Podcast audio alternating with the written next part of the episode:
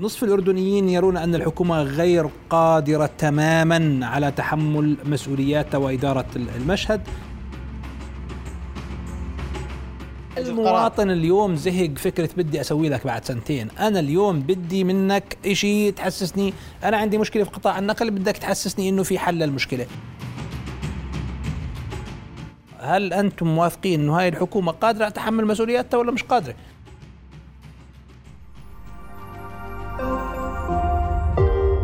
بودكاست. أهلا بكم في حلقة جديدة من بودكاست نبض البلد. خليكم معنا.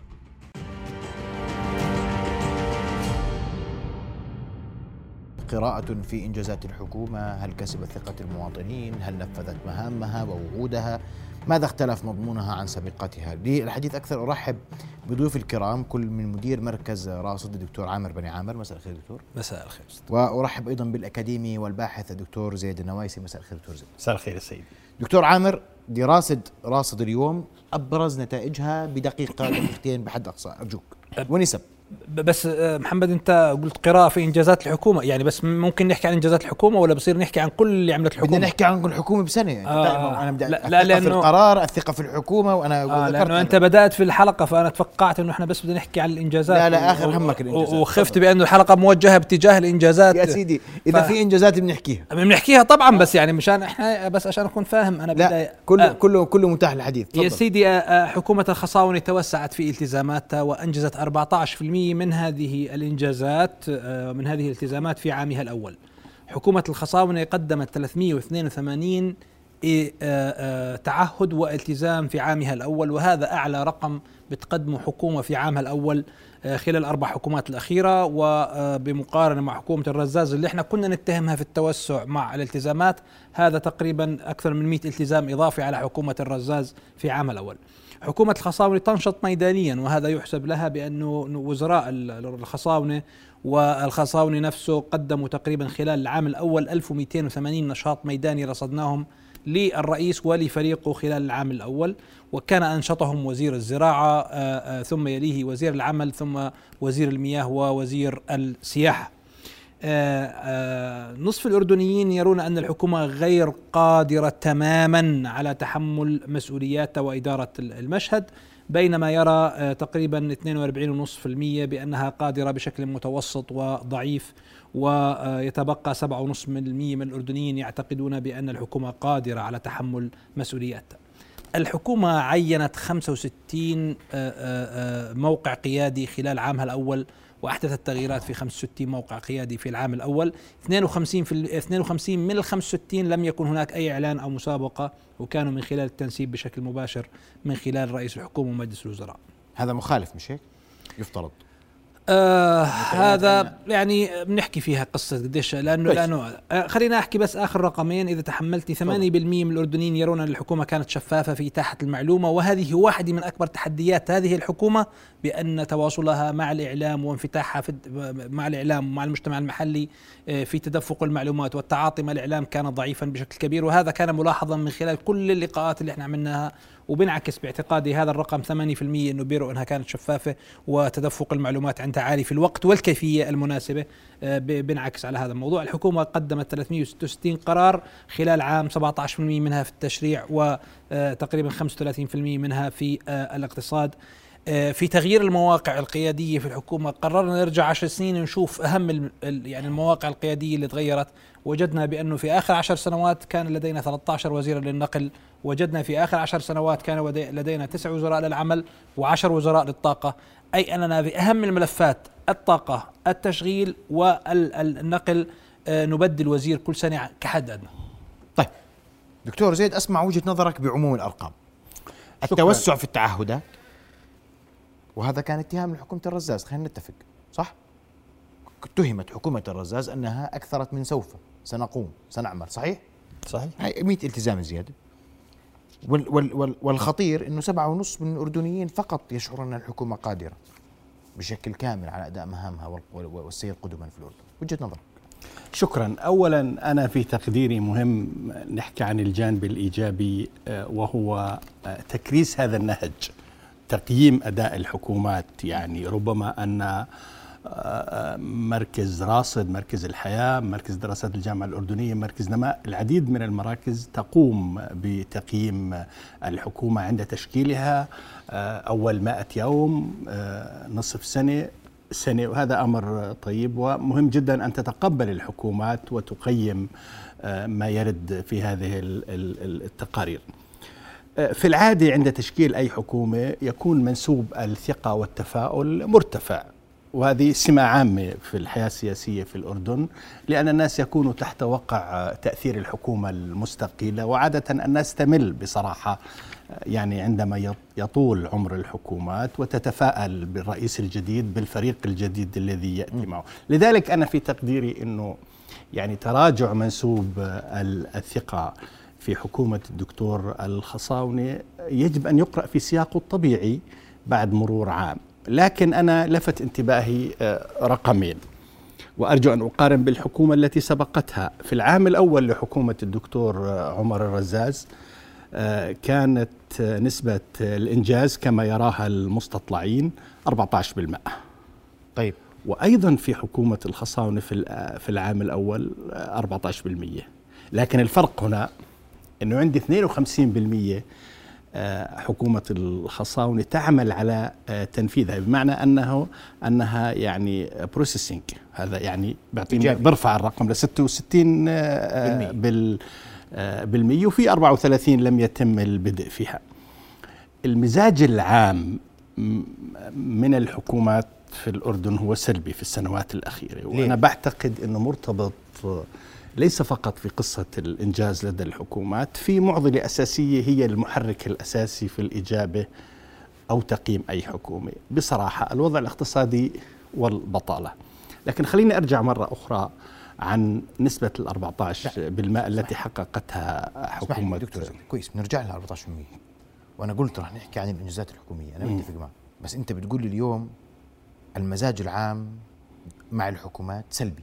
وقد يكون مبرر مين اللي خلق أنا المزاج أنا يعني مين اللي خلقه؟ اسمح لي أخ محمد. من جعل المزاج العام الأردني تجاه الحكومات سلبيا؟ أليس الحكومات بذات نفسها؟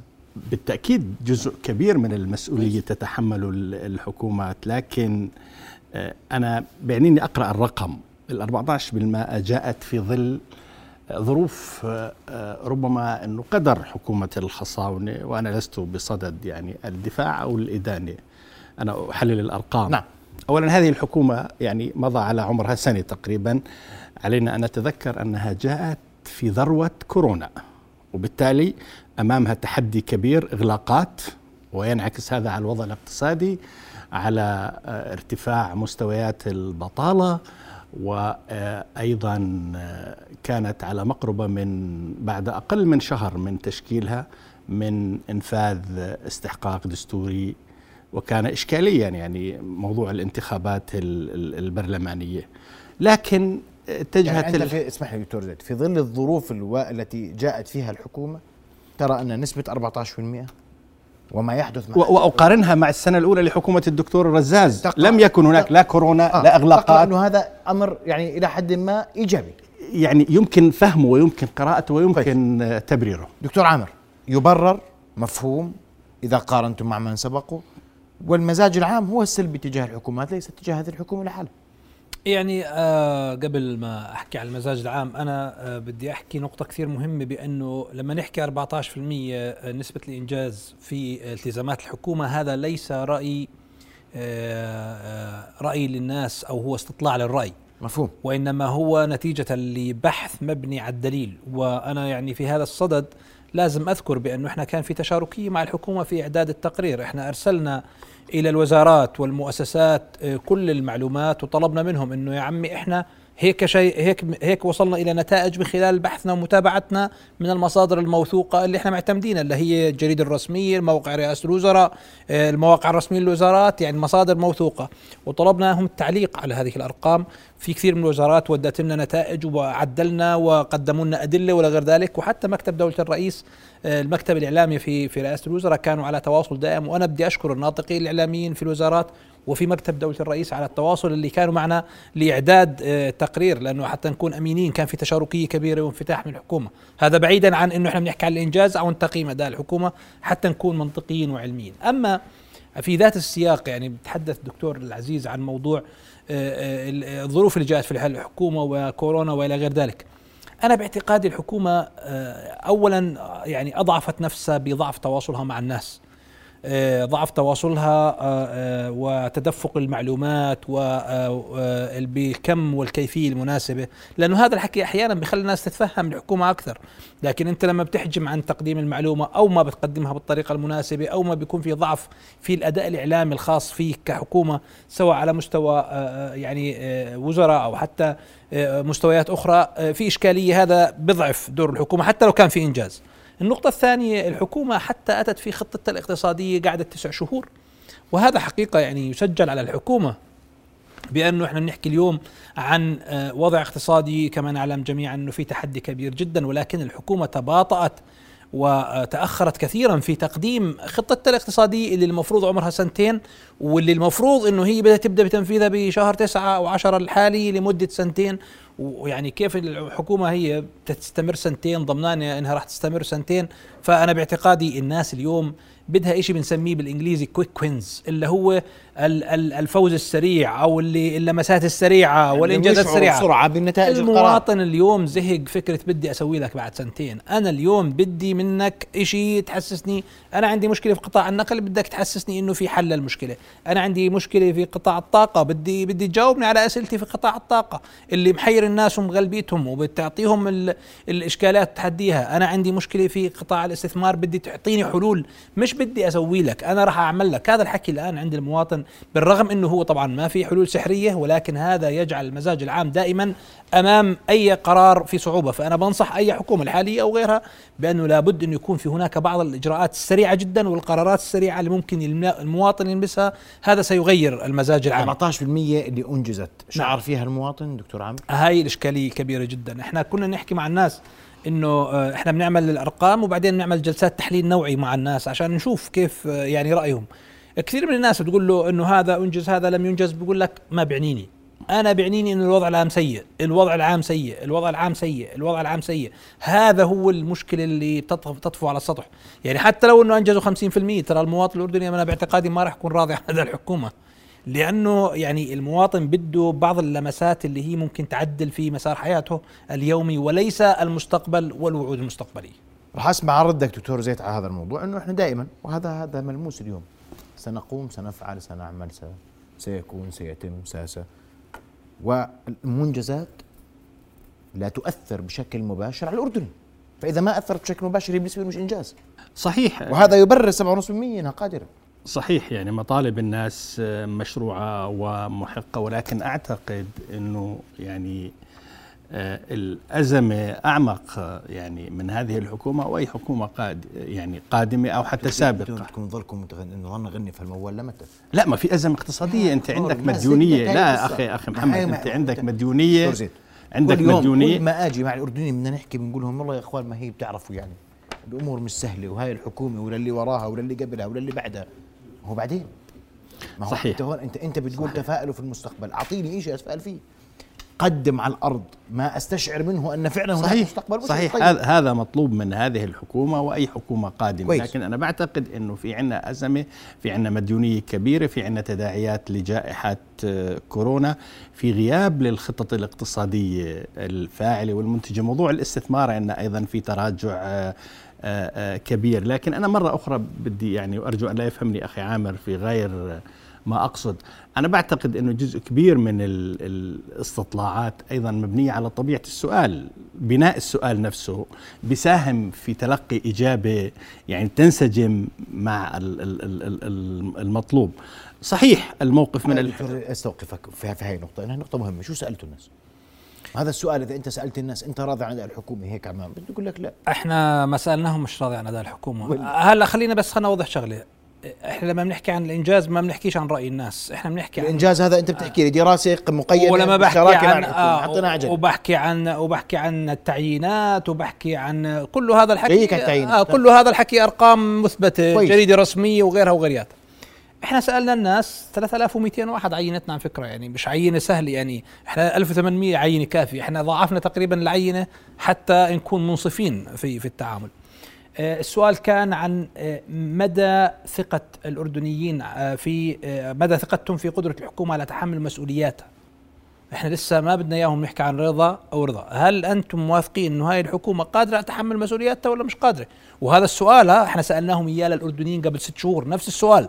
إحنا بنحاول إحنا أربع أسئلة بس سألنا ترى ما بنسأل أسئلة كثير. علشان نرجع لنقطة مرجعية ونقارن. قبل ست شهور كيف كان الوضع؟ قبل كيف كان. الوضع قبل ست شهور؟ قبل كان كان آه، حوالي 44% بيقول لك غير قادر نهائيا. اليوم ارتفع ل 50% بيقول لك غير قادر نهائيا. اذا الحكومة عم بتروح باتجاه تخسر المنطقة الوسط اللي هي كانت الضعيف والمتوسط.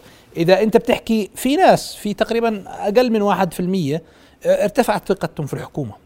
بأنه كان 6 و8 بالعشرة بيقول لك قادرة بشكل كبير اليوم في سبعة ونص تقريبا بيقولوا قادرة بشكل دكتور كبير زيد فإحنا دكتور اللي بيحكيه بس عشان عشان آه. السؤال عشان تمام. هي هي السؤال بسؤال شوف هذا طبيعي هذا طبيعي كويس. كلما طال عمر أي حكومة وإحنا بطبيعتنا في الأردن وهذا طبيعي كمان بنمل من الحكومات وكل حدث بصير في الحكومة يعني أنا بدي أقول لك هذا ال- هاي الدراسة آه، حدثت على وقع التعديل الوزاري الأخير وأنا بعد بعتقد التعديل. بعد التعديل طبعا وبعتقد في موقف من التعديل لدى شرائح كبيرة من ال... في موقف في الأصل من الفريق الوزاري. وأنا يعني بعتقد إنه جزء من العبء على هذا على الرئيس نفسه فريقه. بصراحة يعني فريقه هناك ملاحظات على جزء كبير. بالرغم من أن هناك بعض الوزراء خاصة الوزراء الميدانيين أتحدث عن وزير الزراعة وزير التنمية الاجتماعية كما أعتقد وزير المياه ووزير ال- السياحة. السياحة. استمروا في الحكومة لم يخرجوا في التعديل. دلالة على أنه في وزير العمل مش هيك يا سيدي؟ لا ذهب إلى حقيبة أخرى وزير العمل. هو أنت ما أنت بتحكي عن الميداني أنا بدي أحكي عن الميداني لم يكن من بينهم وزير العمل. لم يكن بينهم. لم يكن من بينهم.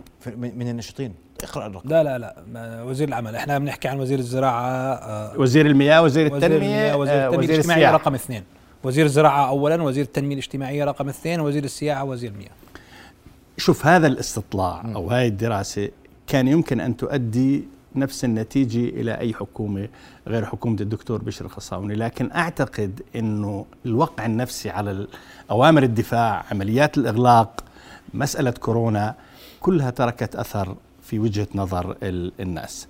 طيب اليوم الحقيقة لما نحكي عن 14% دكتور زيد إنجاز أوامر الدفاع وكأنها مطبق على الأقل في موضوع الإغلاقات يعني إحنا متى إغلاقات. بدأنا نعود إلى الحياة بشكل آه، يا شبه إحنا آه، في في, زمن آه، دكتور طبيعي. زيد في زمن في زمن أوامر الدفاع طلعنا أوامر الدفاع أوامر الدفاع يوم الأربعاء تخالف يوم الخميس الجمعه وما حدش حكى بنحكي الصح يعني ما هو عشان نسمي الأمور مسميات أوامر الدفاع اليوم أوامر يراها البعض أنها أوامر شكلية لم تعد تخدم اليوم المصلحة العامة أصلا صحيح. من يدعو صح. أصلا وقفوا كل أوامر الدفاع خلص ليش؟